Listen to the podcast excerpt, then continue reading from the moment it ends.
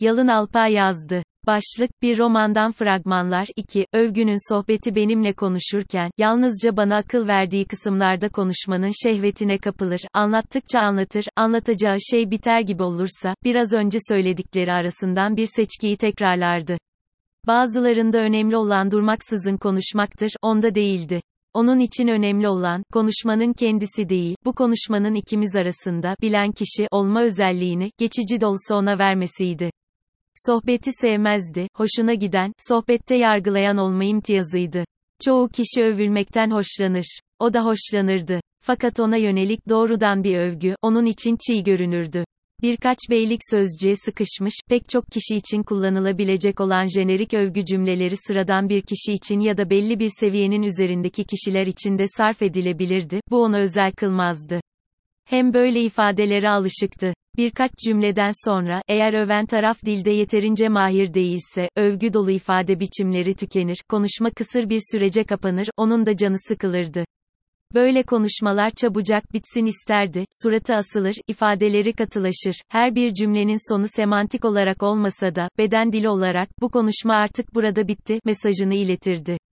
Ona sohbette karşı tarafa akıl verme olanağı verilmediğinde, sıkılganlığı yüzüne vurur, dudaklarından gözlerine, yanaklarından boynuna yüz mimiklerini oluşturan kaslar büyük bir işbirliği içerisinde aşağıya doğru sarkar, bir şeyleri şevkle anlatırken, konuşmasıyla tam bir rabıta sağlayan el hareketleri, artık ağzından zorla çıkan sözcüklerle atınıl bir ilişkide, konuşmanın ritminden çıkarak rastgele savrulmaya başlar ve yönü giderek benden uzaklaşmaya başlayan beden dili, bu konuşmanın artık yalnızca kuru bir nezaket sayesinde sürdüğünü sohbet atmosferine yayar, konuşma, kuşe sayfaların birbirlerine sürtündüğünde verdiği lezzet yerine, ahşap zımparasının girintili çıkıntılı bir ahşap zemin üzerindeki sürtünmesine dönerdi.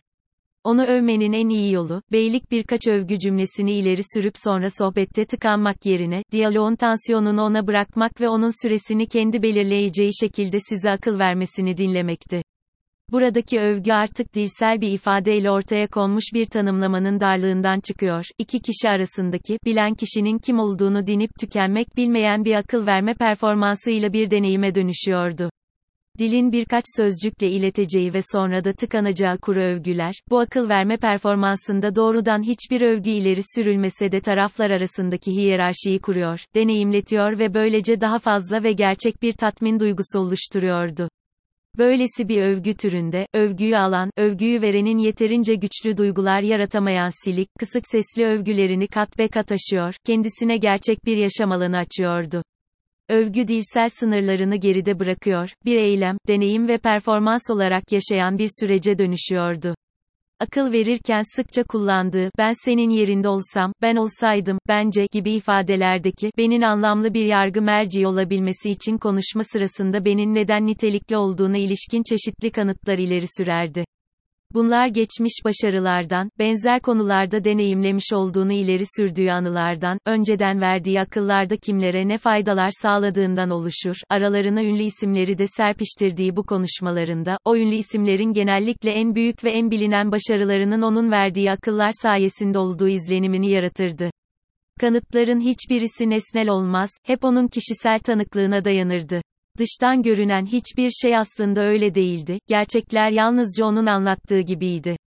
Ve onun anlatısında, onun akıl verdiği herkes başarılı, onu dinlemeyen herkes başarısızdı. Onu dinlemeden elde edilmiş başarılar geçiciydi, şanstı, başarısının daim olmasını isteyen, onu dinlemeliydi.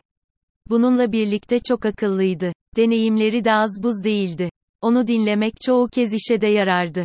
Üstelik yardım etmek isterken bunu yalnızca bir sohbetin içerisinde kendisini iyi hissetmek için yapmazdı, elini taşın altına da koyardı. Akıl verirken de her zaman aşırı nezaketliydi. Bu yüzden diğer akıl vermeye çalışanlar yerine, yalnızca onunla konuşmaktan haz alırdım. Onun için kendine övgü sağmak, karşı tarafı yermek pahasına yapılan bir şey değildi, karşı tarafı da yüceltirdi. Öyle sanıyorum ki, onda kendimi de görüyordum. Nokta. İnsan genellikle kendisini karşı tarafta gördüğünde bundan bir huzursuzluk duyar. Bizim sohbetlerimizde çoğu kez böyle bir hissiyata kapılmıyordum ama hiçbir zaman kapılmadığımı da söyleyemem. Buluşmalarımızdan genellikle çok mutlu ayrılmakla birlikte, bazı görüşmelerin ardından bir daha ona böyle bir vakit ayırmayacağım diyerek dönmüşlüklerim de oluyordu. Roman, olmayan kişiler hakkında, tanıdığınız kişilerin özellikleriyle bir şeyler inşa eden bir kurmaca. Sıradan kişileri komplikeleştirirken, sıra dışı kişileri karikatürleştiriyor. Sıra dışı birisinden yola çıkarak bir kurgu oluştururken, o kişinin gerçek özellikleri dağılıyor, geriye sansasyonel olabilecek tek yönlü bir karikatür kalıyor. Sıradandaki derinliği açmak için güçlü, sıra dışındaki derinliği yansıtabilmek için kekeleyen bir araç. Tanıdıklarınız arasından birisine ait ahlaki özellikleri, bir diğerinin fiziksel özelliklerine, bir başkasının bilişsel niteliklerini, bir diğerinin sosyal becerilerine eklemenin serbest olduğu, sonunda yazarı, bilen özne olarak bırakan bir yargıçlık. Düşsel bir, bilen özne, lik. Zaten hangi, bilen özne, düşsel değildir ki?